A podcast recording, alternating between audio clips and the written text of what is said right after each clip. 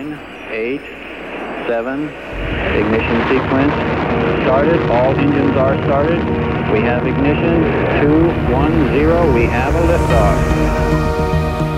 Welkom bij Sterrenstof, een programma over astronomie en ruimtevaart. Met interviews, het allerlaatste astronomie- en ruimtevaartnieuws en de sterrenhemel van deze maand. Presentatie Anko van Hal. Hallo, leuk dat je weer luistert. Ditmaal naar aflevering 7 van Sterrenstof. Live opgenomen met natuurlijk de beroemde koek en koffie vanuit boekhandel Scheldma aan het Rokin te Amsterdam. Ik ben Anko en in deze uitzending is het gezellig vol weer aan tafel. Want wie mag ik allemaal verwelkomen dit keer? Ja, gezellig. Ik vind het helemaal weer leuk dat we met dezelfde crew weer eh, mogen deelnemen aan jouw podcast. En wie nog meer? Uh, Irene is ook weer uh, van de partij, want ik kan niet wachten om meer te leren over ons sterrenstelsel. Hartstikke mooi. En ik heb nog een mannelijke gast erbij en dat is... Oeh, Abe. Ja, leuk dat ik er weer bij mag zijn. Hartstikke gezellig. Ja, ik vind het ook heel gezellig dat jullie uh, door de regen hier naartoe wilden komen.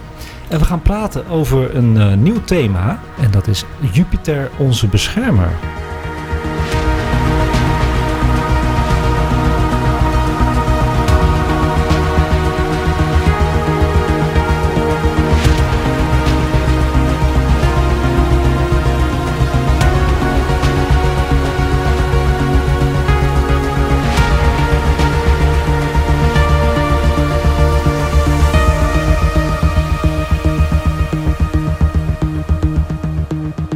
Hebben dus gasten aan tafel die niet als hobby hebben astronomie, maar het wel leuk vinden. Uh, dat doe ik expres, want die vragen ook gelijk de vraag die de luisteraar heeft. Namelijk, Venus en Mars zijn natuurlijk de, de, de twee planeten, denk ik, die vaak ook gebruikt worden in uitdrukkingen. Hè?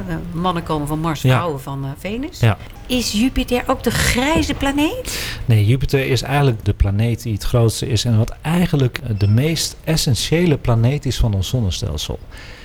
En daarom wilde ik heel graag het over Jupiter hebben. Want uh, heel veel mensen weten dat niet. Er zijn heel veel verrassingen te vertellen. Mensen kennen allemaal de naam Jupiter. Mensen weten ook meestal wel hoe die eruit ziet. Met veel wolkenbanden en een grote rode vlek. Maar er is veel meer te vertellen. Ja, ik, ik heb geen idee eigenlijk over Jupiter, moet ik heel eerlijk zeggen. Nee, oh, dat is wel heel erg leuk. Want ja, Abe heeft meestal toch een soort van uh, achtergrondje. Hè, dat we jaloers op zijn. Dat we denken van, nou Abe, moet jij dit programma niet overnemen. Maar hij weet dus niet zoveel van uh, Jupiter af. Dat is heel leuk. Weten jullie trouwens waar de naam Jupiter vandaan komt? Uh, van goden, ja, toch? Van, is dat niet een Griekse goden? god? Ja. ja. Het is een, een figuur uit Romeinse oh. mythologie. Hij is de oppergod en god van hemel en onweer. Hij is de zoon van Rhea en Saturnus en de jongste broer van Ceres, Vesta, Pluto, Neptunus en Juno.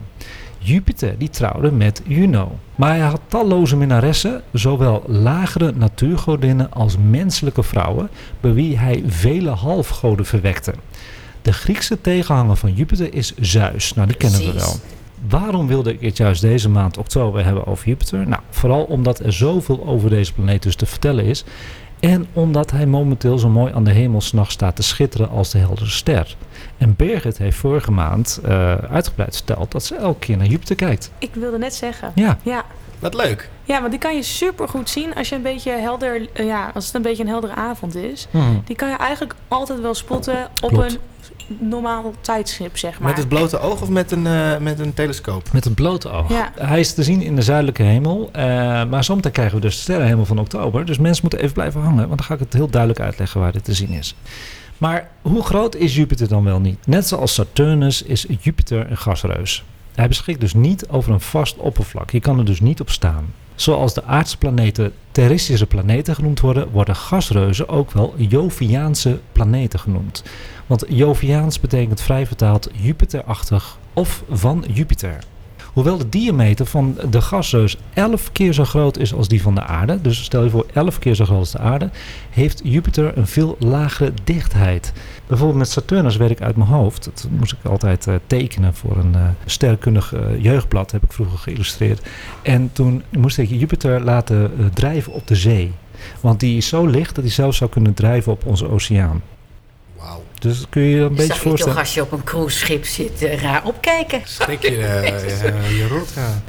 En ondanks zijn enorme afmeting duurt een dag op Jupiter namelijk nog geen 10 uur. Hoezo? Omdat hij zo snel draait? Ja, het draait snel. Ah, superleuk. Ja, superleuk. Ja. Kijk, en eigenlijk is Jupiter een, een mislukte ster, maar hij is te klein om een bruine minister te zijn. Als de massa 75 maal zo groot was geweest, als nu het geval is, zou er een kernfusie hebben plaatsgevonden, waarbij waterstof en helium worden omgezet in energie. En dan zou Jupiter samen met de zon een dubbelster geweest zijn. Dus als die maar 75 maal zo groot was geweest, dat valt eigenlijk nog wel mee, dan hadden we dus niet één zon gehad, maar twee zonnen. Wauw. En dat kan, hè? Er zijn planetenstelsels met dubbelsterren, dus dubbelzonnen. Wow, dat is Ja. echt vet. Dat is vet, hè? Maar Jupiter is er kleiner voor. Maar hij heeft wel zijn eigen mini-zonnestelsel. Daar ga ik het zo over hebben. Maar wat valt nou op? En ik heb hier boeken aan tafel. Want we zitten bij Scheltema. Dus ik heb even in de boekenkasten gesnuffeld voor jullie. En dan zie je eigenlijk wat het eerste opvalt bij Jupiter. Zie je een hele grote rode vlek. Dat noemen ze de Great Red Spot. De grote rode vlek. En dat is een gigantische wervelstorm. Wordt ook een anticycloon genoemd. En wat is nou een anticycloon? Dat is een andere naam voor een hoge drukgebied dus. En is een oppervlakte van druk dat wordt gekenmerkt door divergerende winden. En een rotatie tegengesteld aan deze van de planeet. Dus hij gaat de andere kant juist op. Hij gaat niet mee met de rotatie van de wolken van de planeet. Maar de andere kant op. Op aarde heb je ook anticyclonen hoor. Die net de andere kant op gaan. Tegen de klok in. Ja. Ja, Wow, sick. de storm denken ze dat hij al 300 jaar over de planeet raast. Dus die is ongeveer eh, 300 jaar oud, deze storm. En is er ook duidelijkheid over of hij nog lang bestaat? Of die kleiner wordt dan, of of dat hij gaat verdwijnen, Of groter wordt? Of groter wordt, daar zijn we een beetje bang voor. Want als ik Jupiter ga kijken in mijn telescoop, dan zie ik inderdaad twee grote wolkenbanden en dat kleine rode vlekje. Dat is natuurlijk fantastisch om te zien. Sinds de eerste waarnemingen in het begin van de 18e eeuw is de vlek in omvang wel afgenomen. Desondanks heeft de grote rode vlek een kleine rode vlek verslonden. Zoals stormen dat wel eens doen. Die gaan dan in elkaar over. Vergeleken met 100 jaar eerder was de vlek in 2000, het jaar 2000, in grootte gehalveerd zelfs. En dat klopt, want het verbaasde mij enorm toen ik in 1988 keek door mijn telescoop. Nou was het gewoon overduidelijk die rode vlek te zien. En als ik nu kijk, dat is heel moeilijk te zien nog. Dus wat dat betreft eh, klopt het wel. Het is trouwens niet bekend of dit wordt veroorzaakt door schommelingen. En het is ook niet bekend of de vlek ooit volledig zal verdwijnen. Dus het is een verrassing. En waarom is die storm dan rood? Ja, dat is een goede vraag, want het vroeg me ook af. Het wordt vermoedelijk veroorzaakt door de inwerking van ultraviolet zonlicht op complexe moleculen in de atmosfeer. Als je trouwens wil zien direct nu onder de uitzending eh, hoe dat eruit ziet, die rode vlek, ga dan even naar de Instagram van Sterrenstof. Want ik heb een poster heb ik, eh, gepost van een hele mooie foto. Een echte foto, zonnebewerking van Jupiter. En dan zie je de grote rode vlek heel mooi eh, naar je toe schijnen. Ik heb trouwens nog een vraagje over Jupiter. Ja, Ehm, waar in het sterrenstelsel staat Jupiter? Ja, of in het zonnestelsel, sorry. Ja, nee, dat maakt niet uit. Hij staat na Mars. Dus je hebt eh, de zon, Mercurius, Venus, aarde, Mars. Dan een asteroïdengordel eigenlijk, met heel veel asteroïden. En daarna komt Jupiter. Oké. Ja, en dan komt Saturnus. Dus het is daar ook heel koud. Ja, het is daar koud. Ja, zeker. Wat dus opvalt bij Jupiter ook is dat hij heel veel manen heeft. Hij heeft er 80. Maar wat maar weinig mensen weten is dat Jupiter ook ringen heeft. Net zoals de gasplaneten Saturnus, Uranus en Neptunus. De ringen van Saturnus zijn gewoon te zien met eh, een telescoopje en een verrekijker. Maar van Jupiter niet. De ringen van Jupiter zijn niet zo groot als die van Saturnus natuurlijk en dan ook niet vanaf de aarde te zien. Ze werden pas ontdekt bij Voyager 1. En waarschijnlijk is het materiaal in die ringen van Jupiter afkomstig van verschillende maantjes. En zoals ik al zei, eh, Jupiter heeft 80 maantjes. En daarmee heeft Jupiter het net niet gewonnen van Saturnus, want die heeft er 82. En die vier grootste manen van Jupiter, die we met de verrekijker kunnen bekijken en met de telescoop, die werden in 1610 al ontdekt door Galileo Galilei in Italië. Dit zijn ook dan gelijk de meest bijzondere manen van Jupiter en kunnen gezien worden als mini-planeetjes. En dan ga ik nu uitleggen waarom. Ik wil het zo doen. Ik ga per maandje, die vier maanden, ga ik uitleggen wat de specialiteiten zijn van die manen. En die maantjes, Ja. eh, botsen die nooit met de ring van Jupiter zelf? Nee, ze staan ver weg. Oké. Maar er zijn ook maantjes die heel dichtbij staan en die gaan juist om die ringen heen. Echt? Of die zitten soms helemaal in die ring verweven. Ja, Wow. mooi hè? Prachtig. Ja. We gaan naar de binnenste van de vier grote manen van de planeet Jupiter en dat is Io. Deze maan wordt vanwege haar uiterlijk ook wel de pizzamaan genoemd. En dat kun je wel zien, het lijkt wel een pizza. Io is vooral interessant vanwege haar vulkanisme. Dit zijn allemaal vulkanen die nog steeds werken. Het is de meest vulkanische actieve hemellichaam in het zonnestelsel, waardoor het op de zon en Venus na ook de heetste plek is van het zonnestelsel. Moet je nagaan, hè? ben je zo ver van de zon af? In tegenstelling tot de vulkanen op aarde spuwen de vulkanen op Io zwavel of mogelijk ook zwaveldioxide uit. Maar je ziet soms ook pluimen, ik weet niet of je dat hier kan zien. Ze hebben dat ook gefotografeerd. Ja, hier zie je de pluimen van gas van Io. Wow, die zijn heel groot. Dus het is maar een klein maandje. Oh. Kun je het zien, Irene? Ja, ja, ik kan het zien. Dus iedereen kan het even opzoeken. Als je gewoon IO eh, googelt, gewoon bij eh, Het is afbeeldingen. gewoon letter I en O. IO, ja. Ja. ja. Interessant maandje, hè? Ja, Ja. Heel gaaf. heel eigenzinnig. Eigenzinnig, ja, vind ik ook. Ja. Zijn dit foto's van Voyager 1? Deze wel, maar er zijn ook recente foto's en zie je gewoon kleurenfoto's. Ja. Dan hebben we de kleinste van de vier grootste manen van Jupiter. En dat is de meest interessante, vind ik zelf. En die heet Europa, zoals gewoon Europa hier.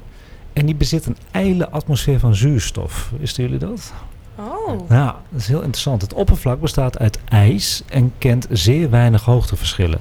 Onder het ijs vermoedt men een vloeibare oceaan van zout water. Ja, dat is echt super boeiend. Ja, dat klinkt echt als de aarde. Er Ja. wordt toch ook een, eh, een missie naar Europa gepland, of niet? Zeker. Ja, dat- De oceaan kan mogelijk leven huisvesten, zeggen ze nu. Met getijden die veroorzaakt worden door de getijdenwerking van Jupiter alweer als bron van energie. Wij zitten ons te fixeren op Mars en Venus qua leven, vooral op Mars. Maar waarschijnlijk is het gewoon Europa die eh, leven Ja. heeft. Ze vermoeden zelfs dat in die ondergrondse oceaan, dus onder het ijs, dat daar gewoon ook vissen zwemmen of, of leven zoals walvissen en zo. Of, of weet je wel, dat soort grote wezens kunnen daar in principe leven. Ja, dus Dat het is is heel spannend. spannend, ja. ja. Ja, maar ze moeten daar Dus het worden geen Marsmannetjes, maar eh Europa. Europamannetjes. Dan gaan we naar Ganymedes. Dat is de grootste maan van Jupiter en tevens de grootste maan van het hele zonnestelsel. Ze is groter dan de planeet Mercurius zelfs. Ganymedes heeft ook een dunne atmosfeer en dat bestaat bijna volledig uit zuurstof, dizuurstof en ozon. oh, die zuurstof als in een scheikundige toevoeging. Denk in het. Die, DI. Ja, Ah, ik dacht een soort van... Oké, ja, ik snap hem. Hmm. Ja.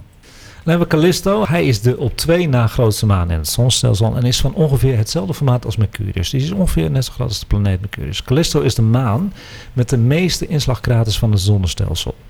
De gehavende korst ligt bovenop een ijslaag weer die ongeveer 200 kilometer dik is. En onder de korst bevindt zich een zoute oceaan weer, welke meer dan 10 kilometer dik is. En eh, Callisto heeft ook een atmosfeer, maar heel ijl. En die eh, bestaat uit koolstofdioxide. Dat zijn vier hele interessante manen. En zo zie je maar weer, daarom wordt Jupiter ook wel een minister genoemd, die gewoon een eigen zonnestelseltje heeft. Jupiter wordt ook wel de stofzuiger van het zonnestelsel genoemd. Door zijn enorme zwaartekracht vangt Jupiter allerlei rondvliegende objecten in de ruimte.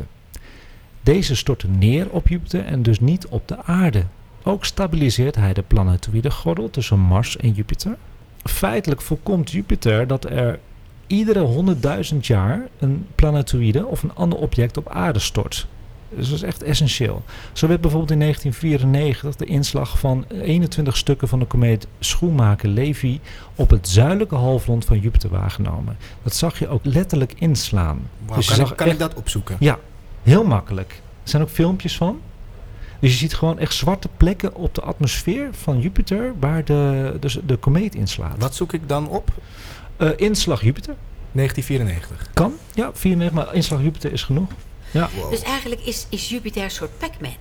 ja hij eet het op. Onze Ja, beschermengel. ja, Ja. Ja. ja. Ons Pac-Man. ja. In 2009 was er ook zo'n soortgelijke inslag, maar dat was geen komeet. Het is nog onduidelijk wat toen precies in, op Jupiter is neergestort. Maar wat leuk is, en daarom heb ik ook weer dit onderwerp voor deze maand. Zeer recentelijk, en dat is op 13 september jongsleden, dat is, heel, het is een maand geleden, heeft een amateur-astronoom een inslag vastgelegd op foto en film. En die heb ik op onze Insta-story gezet in de nieuws highlight button. Dus die kun je gewoon nog even bekijken. Ik kan het nu wel even voor jullie laten zien. ja, ik ben wel nieuwsgierig. Ja. Ik ben ook gewoon benieuwd ja, gewoon hoe dat eruit ziet. dat is echt... Waanzinnig, hè? Ja! Ja, Wow. waanzinnig. Of ik bedoel... Ja! Zo wil ik het horen. Dus eigenlijk, jongens, zonder Jupiter... Dat je dat kan zien. Ja. Eh, sorry dat ik je onderbreek. Nee, maar dat leuk. je dat kan zien op zo'n afstand van Ja. de aarde. Wat Ja. voor ontploffing is dat dan daar? Ja, heftig, hè? Maar gelukkig is Dat er is geen anders leven. dan een brandbommetje. Zeker. Maar die van 94 was nog heftiger hoor. Er was een rijtje van, van inslagen. Dus echt een rijtje van zwarte plekken die eh, de atmosfeer ging. Bijna, ja, dat was een hele grote, grote inslag. Kun je gewoon opzoeken. Dat is heel leuk om te doen. Dus zonder Jupiter eigenlijk zouden er dus veel meer inslagen zijn op aarde. Dat is logisch hè. En dit zou uiteraard gevolgen hebben voor de continuïteit van het leven hier. Het wordt daarom ook aangenomen dat de aanwezigheid van een stofzuiger in het zonnestelsel als Jupiter een voorwaarde is voor de ontwikkeling van leven in een zonnestelsel. Ja. Dus als wij zonnestelsels vinden, dus bij exoplaneten, dan zijn we altijd heel blij dat er ook gasplaneten bij zitten. Want die zuigen eigenlijk de, de troepen op. Ja. Dus het is net of het allemaal daarvoor gemaakt is, hè jongens? Dat is prachtig, hè? Hebben jullie nog vragen over Jupiter? Nou, we beginnen net. Ik eh, Ja. wil nu wel meer weten. Ik ga in ieder geval dat filmpje van 1994 even opzoeken. Ja, interessant, hè? Ja. Ja, bloedinteressant. Ja, ik ben nu ook heel dankbaar. Elke keer als je even naar de, als je s'nachts heel even naar de sterren kijkt, mag je altijd wel even een klein eh, gebedje doen naar Jupiter. Ja, ja dat vind ik ook. Vind ik mooi gezegd. Ja, mooi gezegd. Ja. Dan gaan we nu naar de vraag van de luisteraar van deze maand. En dat is door Werner. Hey Janko, ik zou graag een sterrenkijker willen kopen. Welke zou jij mij kunnen adviseren om mee te beginnen? Goeie vraag. Dat is een goede vraag, jongens. Ja. En ik, eh, Werner is niet de eerste die mij heeft gedM'd op Instagram met deze vraag. Want eh, blijkbaar, en daar zijn we natuurlijk met z'n vieren heel erg blij mee, eh, inspireren wij mensen om een telescoop te kopen. Ja. Ja, ik vind het een goeie. Eh, ik ga het dan ook alleen maar hebben over een beginnerstelescoop. Want ja, weet je, eh, bij telescopen geldt gewoon hoe duurder, des te beter en stabieler de telescoop is. En hoe meer er te zien is. Maar met een redelijk budget is er met een kleine telescoop al zoveel meer te zien dan met het blote oog of zelfs met een verrekijker, dat het altijd de moeite waard is er een aan te schaffen. Het voordeel van een telescoop boven een verrekijker, is dat het beeld uiteraard stabieler en rustiger is voor je ogen. Zo kun je details op de maan en op planeten veel ontspannender en rustiger bekijken. Bedenk wel dat de objecten die je vergroot door je telescoop ook echt langzaam uit beeld ziet bewegen. Dus die moet je wel steeds bijhouden. Want wij als aarde bewegen en de hemellichamen ook. Maar omdat je het zo naar voren haalt, zie je het ook werkelijk zo weggaan uit je telescoop. Dus zal je het beeld altijd moeten bijhouden en bijdraaien.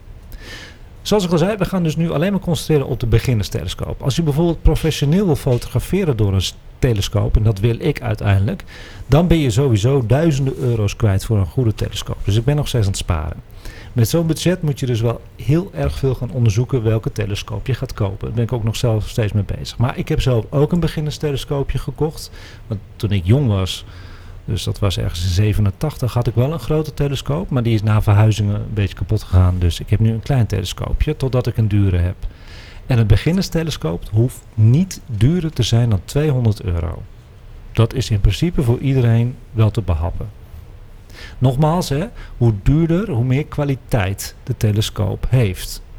En zonder reclame te maken voor merken zou je dus via Google de top 10 van beste beginnerstelescopen kunnen opvragen.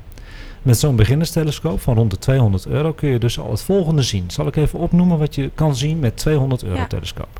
Saturnus als een klein bolletje, of liever gezegd als een eitje, want dat zijn de ringen. En het maatje Titan ernaast als stipje. Dat kun je Ah. al zien. Dat is wel leuk. Jupiter als bolletje met twee wolkenbanden en met veel geluk de Great Red Spot. En natuurlijk zijn vier grootste manen waar we het net over gehad hebben, Io, Europa, Callisto en Ganymedes. Wat je ook met de telescoop kan zien, zo'n beginnerstelescoop, is de Andromeda-nevel. Ga ik het zo meteen Oh. later als cliffhanger over hebben in het sterrenhemel van oktober. Wat helemaal mooi is, jongens, met een eh, beginnerstelescoop. En eh, nogmaals, ik, ik maak geen reclame, maar ik, ik zou gewoon aanraden om zo'n telescoop te kopen. Is de kraters van de maan. Niet te geloven, alsof je erop staat. Ook als Mars dicht bij de aarde staat, dat is één keer in de zoveel jaar.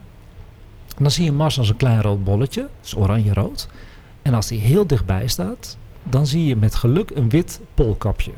Want hij heeft twee poolkappen en je ziet er meestal een eentje. Wat ik gezien heb in 1988 is een storm op Mars heb ik gezien. Dus op Mars, de details die je kan zien is een wit poolkapje en wat donkere vlekken.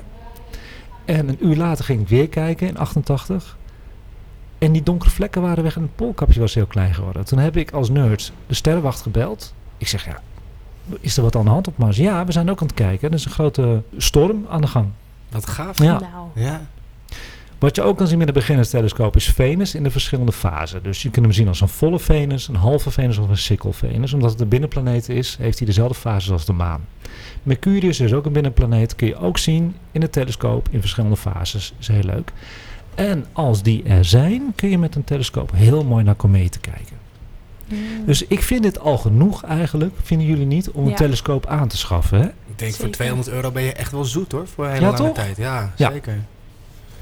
Meestal komt dan eh, die telescoop met drie oculaire. Oculaire zijn lenzen van verschillende vergrotingen. Let wel, hoe meer je met de lenzen vergroot, hoe waziger het beeld wordt. Vaak krijg je er ook een maanfilter bij. Waarom? Omdat de volle maan door de telescoop zo fel is, omdat je hem zo vergroot, is dat je dan niet zoveel details meer ziet. Ik zou sowieso nooit naar de maan kijken als die vol is. Want Waarom het is niet? mooi, nou, als die half is, zie je de, de schaduw van de kraters. Dat is veel mooier. Oh, op die manier. Ja. Oh, mag ik daar dan even op inbreken? ja?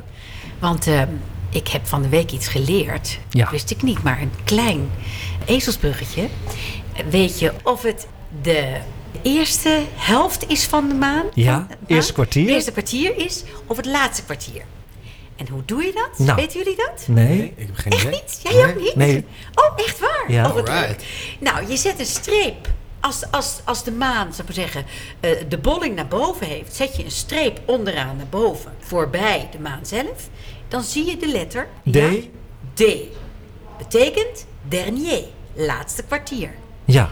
En als het bolletje naar beneden zit en je doet de streep naar beneden, een P, Een P, ja, een P naar beneden, P. ja. Nou van premier. Premier. Oh, Oh, Zo kan wow. je onthouden of iets het eerste kwartier is of het laatste kwartier. ik vind het een hele leuke je of tip. het afnemende maan Ja. of wassende maan is. Nou, we gaan deze erin houden. Irene, Ja. ik vind het fantastisch. Ja, dat kreeg ik van de week van mijn man te horen. Oh, Vond wat zo leuk. Ik denk, oh, die ga ik Ja. onthouden. Ik ben er helemaal blij van. Wat goed zeg. En nogmaals, zonder bewust reclame te maken, is de National Geographic Telescoop van rond de 175 euro een hele leuke beginnerstelescoop. Nou, ik denk dat ik genoeg tips heb gegeven nu. Ja. Ik denk dat het een heel volledig antwoord is op de vraag. Zeker.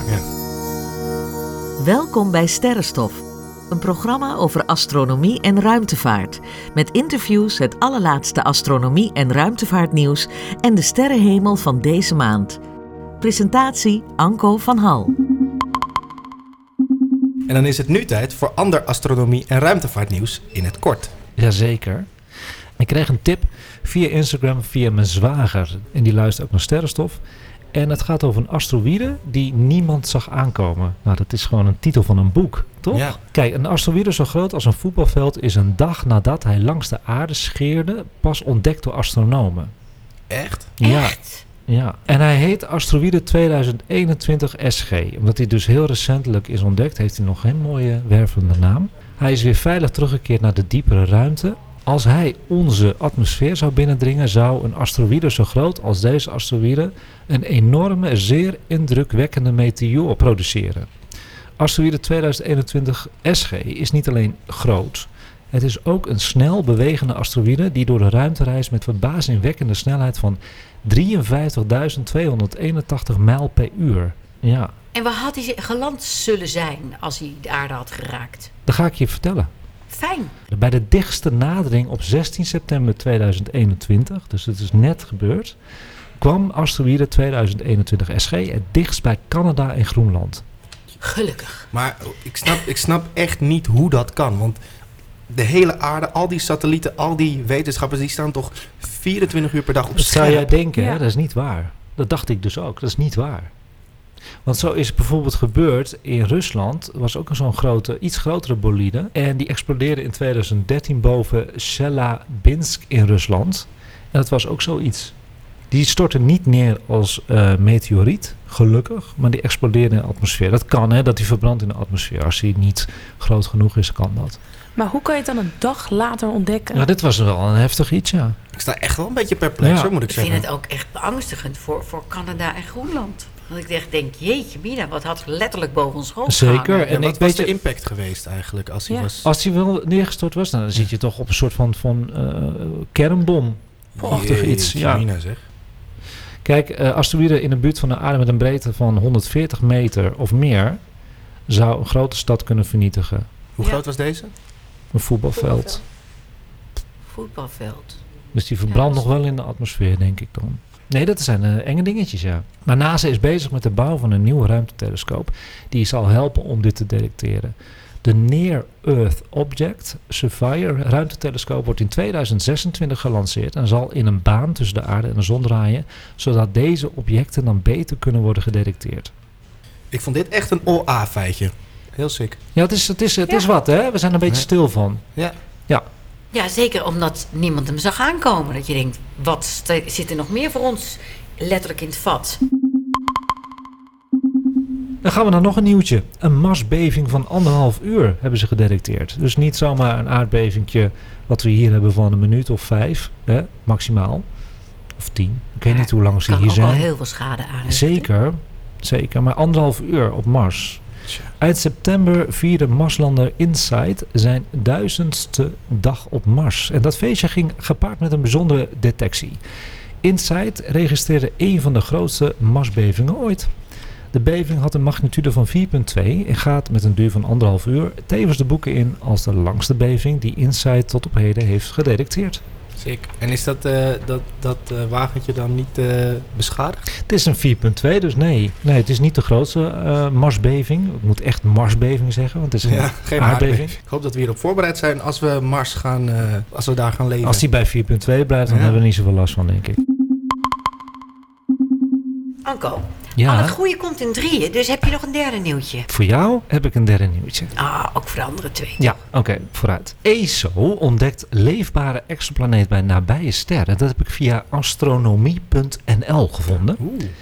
Een team van astronomen is met behulp van de Very Large Telescope van de Europese Zuidelijke Sterrenwacht, dus de ESO in Chili, meer te weten gekomen over de planeten rond de nabije ster, lelijke naam L98-59, die overeenkomsten vertonen met de binnenste planeten van ons eigen zonnestelsel. Dus dat is interessant. Ja. Daaronder bevinden zich een planeet met half zoveel massa als Venus, een oceaanwereld en een mogelijke planeet in de leefbare zone. Dus die planeet die ze hebben gevonden is de kleinste planeet die ze hebben kunnen vinden, die eigenlijk precies op onze aarde lijkt. Wat gaaf. Wanneer is dit gebeurd? Eh, vorige maand hebben ze het ontdekt. Wat gaaf zeg. Ja, maar deze is werkelijk echt eh, bijzonder aardachtig. Dus eh, ja, we kunnen er helaas nog steeds niet naartoe. Het is nog steeds, ook al is het eh, in lichtjaren dichtbij, veel te ver weg natuurlijk om naartoe te gaan. Dat waren de astronomie nieuwtjes in het kort. Ik vond dit hele leuke nieuwtjes. Ja. Ik ben wel heel erg benieuwd wat we deze maand in oktober kunnen zien allemaal met het blote oog. Ja, dat vind jij leuk hè? Ja. Want Birgit, eh, luisteraars, die kijkt ook werkelijk en die schrijft ook altijd op de agenda wat ze gaat eh, zien eh, vanaf haar balkon. Of meestal vanaf de fiets en dan valt ze weer. Dus ik moet wel even zeggen, als je iets moois ziet op de fiets, kijk even uit. Hè. Ja, dat is, ik zei inderdaad net dat ik Anke had geappt over waarom is de maan zo geel. Ja, Ik ben vervolgens ook van de fiets gevallen omdat ik zo naar de maan keek. Dus pas op, precies. misschien even afstappen. En waarom was de maan zo geel eigenlijk dan? Wat heb ik gezegd? Nou, dat kwam dus door de Ja. atmosfeer. De atmosfeer Dus- geeft de kleur aan de maan. Ja. Dus op data die Anke nu noemt, kun je beter niet de stad ingaan. Omdat Birgit dan naar Op straat. Pas op. Eigenlijk moeten we haar een appje sturen op die data. Van, eh, kijk je Ja. uit? Ja, Zo zo'n pop-up bericht. Ja, We gaan natuurlijk nu een beetje meer de herfst in. ja. Hebben we dan meer dagen dat we eigenlijk minder zien? Dat het wat bewolkt en regenachtig Nee, dat, is? dat, dat is elke maand, dat valt niet te zeggen. Wat wel een voordeel is van dat we de herfst ingaan, is dat de nachten langer worden en donkerder. Dus de schemertijd van s'nachts, we noemen de zomernachten astronomisch gezien grijze nachten, die vervallen. Dus we gaan steeds meer zien, zelfs in de stad. Dus eigenlijk positiever dan... Positief. We beginnen altijd eh, bij de sterrenhemel van de maand eh, met de planeten die we kunnen zien. En na twee maanden, jongens, eindelijk zijn er deze maand gelukkig weer vier in plaats van drie planeten met het blote oog zichtbaar. Want Mercurius komt tevoorschijn in de tweede helft van oktober. Voor Mars, mijn favoriete planeet, geldt dat pas eind december dit jaar. Voor de planeten Uranus en Neptunus heb je een goede telescoop nodig, dus die ga ik niet behandelen.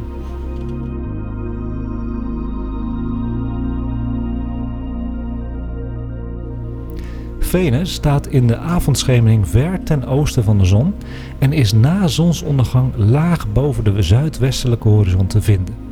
Als je het moeilijk vindt, hè, altijd om Venus te bekijken. Op 9 oktober kun je genieten van een prachtige samenstand van Venus met een hele smalle maansikkel. Ook zie je een andere heldere ster, wel veel minder helder dan Venus, in de buurt staan. En dat is de ster Antares. De ster Antares is een rode superreusster in het sterrenbeeld Schorpioen. Vergeleken met Venus zie je ook echt verschil in kleur. Dus die staan samen. De maansikkel, Venus en een heldere ster die een beetje roodachtig is, dat is Antares. Mooie naam hè, Antares. Ja, hele mooie naam. Vind ik ook. Jupiter en Saturnus staan er echt nog steeds heel mooi bij elkaar en zijn de hele maand oktober goed te zien aan de zuidelijke tot zuidwestelijke hemel. Op 14 oktober is er een hele mooie samenstand te zien met de maan en de beide planeten. Jupiter staat dan linksboven en Saturnus rechtsboven de maan. En is dit met een, eh, met een telescoop of met het blote oog? Blote oog. Echt? Ja. Oeh. Ja, en ik denk dat, dat, dat jullie nu wel weten ongeveer waar Jupiter te vinden is. Dat is de helderste ster van de nacht. Dus kun je eigenlijk niet missen. Jupiter? Ja, Birgit weet het. Jupiter is de helderste ster van de nacht. Ster? Sorry. Ja, ik noem het even Oh, een ster oké, omdat het uitziet Ja. als een ster. Ja, want het is echt altijd, als je eh, dan inderdaad omhoog kijkt, zeg rond een uurtje of 11, 12 of zo, echt Ja. zeg maar best wel een schappelijke tijd. Klopt. Dan heb je altijd twee best wel felle dingen, sterren. en dan is eentje is altijd een ster en eentje is altijd Jupiter. En die twee heldere bij elkaar, dat zijn Jupiter en Saturnus toevallig hoor. Oh, dat is Ja. Saturn? Nee. Saturnus staat rechts van Jupiter. Ja, kun je ook met blote oog zien gewoon. Altijd. Eh, Ja. de, de komende maanden wel, ja. Wat leuk. Vanaf 17 oktober kun je ook proberen de kleine planeet Mercurius te spotten. In de ochtendschemering. Dat is altijd het ergste. Ik heb het wel eens gedaan hoor. En dan was ik gesloopt de hele dag, dus ik doe dat niet meer. Ik wacht altijd tot hij weer s'avonds te zien is. Maar sommige mensen vinden het toch wel leuk, omdat hij heel lang niet te zien is geweest, om toch weer even in de ochtend wakker te worden, de wekker te zetten. Omdat deze planeet dicht bij de zon staat, is het altijd een uitdaging om hem te vinden. Zoek hem dan boven de oostelijke tot zuidoostelijke horizon in het sterrenbeeld Maagd. Wat is er nog meer te zien in oktober? Heb je nog niet genoeg? Nee. nou, je zei, je teasde ons ook net een beetje over Andromeda. En daar ben ik wel eh, heel benieuwd naar. Ja, ga ik zo zeker over hebben. Vind ik heel leuk hoor trouwens. Dat je dat, wat, wat, wat, fascineert jou trouwens over Andromeda dan? Nou, het is gewoon heel bijzonder. Kijk, Andromeda dat is een, een sterrenstelsel. Eh, en dat is ons buursterrenstelsel, toch? en daar gaan ja. we over zoveel duizenden jaren mee, eh, mee hoe noem je dat? Botsen. Collijden, ja. Ja, dus Ja, dat is botsen. super gaaf. Ja, er komt een uitzending alleen maar over Andromeda Nevel trouwens. Ja. Maar ik wil je wel vertellen, de herfst is namelijk een uitstekende periode om de Andromeda Nevel te spotten met het blote oog. De Andromeda Nevel is een sterrenstelsel, net als onze Melkwegstelsel, ook een spiraalstelsel. Hij is ook het verst verwijderde object dat we zonder kijker aan de hemel kunnen zien, dus met het blote oog. Eigenlijk is hij meer dan 12 maal zo groot als de volle maan in werkelijkheid. Oh. In, in werkelijkheid. Denk even na. Wacht, ja. sorry. Dat, Maar veel licht zwakker. Dus wat we eigenlijk zien met het blote oog is alleen maar de kern. Ah, Wauw. leuk. Dus hij hoort eigenlijk zo, als hij even fel zou zijn aan de buitenkant, zouden we hem zo groot aan de hemel zien staan. Vanaf de aarde. Maar omdat hij lichtzwak is, omdat hij zo ver weg staat, zien we alleen de kern. Ah, oh, dat vind ik heel interessant. Maar dus er is veel meer dan je ziet. Kun je je voorstellen hoe groot Andromeda is, hè? dus als je, één, als je dat, dat kleine spekje ziet in de lucht, dat is de kern. zie je duizenden sterren. Nee, je ziet de sterren niet los van elkaar. Nee, nee, nee, maar zeg maar in dat ene stipje zitten zo Dat zitten ook heel veel, nou miljarden. miljarden. Ja, dat is niet te geloven, jongens. Niet Ja. te vatten. Niet te Niet te bevatten. vatten. Daarom is het leuk om het te proberen. Om het met het blote oog te vinden. Hoe kan je hem vinden, Anko? In de stad is die eigenlijk het moeilijkste zichtbaar. Want we hebben hier gewoon heel veel lichtvervuiling. En dan zelfs als je een eh, lichtvervuilingskaart ziet van Europa, is eh, Nederland helemaal verlicht. Ook Friesland en zo. Maar eh, waar wij wonen, waar we nu zitten in Amsterdam, is het ergste van Europa. Wow. Ja, Ja, maar dat heeft natuurlijk gewoon te maken met dat je hier in de stad zit. Met alles Ja. wat ook, ja. en dicht bevolkt. Hè? Ja. Nederland is het dichtstbevolkste landje van Europa, uiteraard. Dus eh, moeilijk, Andromeda Nevel. Als ik bij mijn ouders ben in Veenendaal, is het al wel met het blote oog te zien. Maar ik kan het wel proberen. En dat midden in de winter of in de herfst, waar ik het nu over heb, zou ik, als ik jullie was, gewoon naar de polder gaan. Ja. of in een weiland. En dan met een zeer heldere lucht. Dus een lucht die stabiel is, zonder wind. Beetje een koude lucht zou ik uitzoeken. Weet je een koude avond is meestal een hele heldere avond met rustige lucht. Dan zou ik het proberen. Hij staat in dit jaargetijde bij het opvallende rechthoekige sterrenbeeld Pegasus. In de avond hoog aan de zuidelijke hemel. Vind je het moeilijk om Pegasus te vinden? Pak dan weer die sterren-app van Birgit, hè, zeg ik altijd maar, erbij. Die kun je gewoon downloaden, gratis. Eh, Welke sterren-app? Je hebt er verschillende. Ja, Welke gebruik meerdere. Ik gebruik Skyview Light. Oké. En dan kan je dus gewoon, bij, dan heb je gewoon een zoekbutton en dan kan je gewoon zeggen ik zoek Pegasus. Ja, En dan eh, wijst hij meteen met een pijltje waar je heen moet Ja, gaan is kijken. gratis die app. dat is gratis. Ja. Dichtbij dit sterrenbeeld staat M31. M31 is de naam voor de Andromeda-nevel. Je kunt dit object het makkelijkste vinden door een sterrenapp dus. Probeer van daaruit de Andromeda-nevel zelf met het blote oog te spotten. Ik heb trouwens een heel handig dingetje. Wat ik heb ontdekt, maar wat ook wel op Google staat. Ik heb hem een paar keer met het blote oog gezien. Onder de meest perfecte omstandigheden. En dan pas kun je met het blote oog zien. Wat mij helpt, is dat ik dan weet waar die staat. En er langs kijk. En als ik een beetje langs kijk, dan zie je hem helderder. Dat is heel gek hoe je oog werkt. Snappen jullie dat? Ja, dat moet je ervaren. Als je er recht in kijkt, zie je hem bijna niet. Als je een beetje langs de Andromeda-nevel kijkt, dan zie je hem eigenlijk in je ooghoek veel feller. Ik weet niet hoe dat is, maar het staat ook op Google. Dat is gewoon een, een ding van je eigen oog. Dat kun je proberen. Maar dat is, dat is best wel lastig. Mooie tip. Ja, als je de nevel hebt gespot en je hebt een kleine telescoop gekocht, ja, dan is het wel heel vet om die door de telescoop te bekijken. Want dan wordt hij wel een stuk groter, ja. Zie je, zie je dan ook al een soort van net het andere, een soort van een andere vorm dan een bolletje of zo? Zie je iets dingen wat concreter? Ja, je ziet hem eigenlijk als een ei, hè? Dus gewoon Ja. echt een, een sterrenstelsel. En eh, op foto's, eh, ik zal het even laten zien op Instagram van Sterrenstof, eh, zie je een van de eerste posters van Insta Sterrenstof. Zie je Andromeda Nevel. En dan ziet hij er zo uit. Ah, ja, ja. Dat is de Andromeda Nevel. Ja, prachtig. En dat witte in het midden, dat is wat je met het blote oog kan zien. Dat hele stofschijf omheen, wat ook weer miljarden sterren zijn natuurlijk. Dat kun je met een lange belichting naar voren halen. Maar je zie je ook vaag in een eh, telescoop al. Wanneer is het in oktober eh, dat je het kan zien? De hele Oh, herfst. de hele herfst. Ja, want dan staat het sterrenbeeld Pegasus het hoogst aan de hemel. En daar zit juist de Andromeda-nevel in. Wat is er nog meer te zien in oktober? Nou, er zijn ook samenstanden te zien van planeten met sterren. Dus niet alleen maar met de maan, maar ook met sterren. We hebben het al gehad over de ster Antares in het sterrenbeeld Schorpioen. Venus staat op 16 oktober, leuk om te kijken, want het is allemaal met het blote oog, maar anderhalve graad ten noorden van de grote rode superheus Antares. Deze ster Antares staat 554 lichtjaar van de aarde af.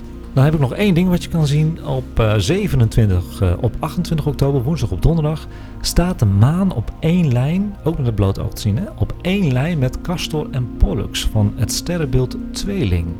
Bekijk dit om twee uur s'nachts. Pollux en Castor waren een beroemd tweelingpaar uit de Griekse mythologie. Ze werden ook wel Dioscure of de zonen van Zeus genoemd. Nou is het ook leuk als je ze dus eh, eh, met sterren-app opzoekt, Pollux en Castor. Dan zie je ook twee sterren die heel erg op elkaar lijken. En ook zo bij elkaar staan. Dus het is echt een tweeling. Dat Heel leuk. En die staat op één lijn met de maan. Dus je kan zo die lijn doortrekken met de maan. Dat is heel leuk te zien. En dat was de sterrenhemel van oktober 2021.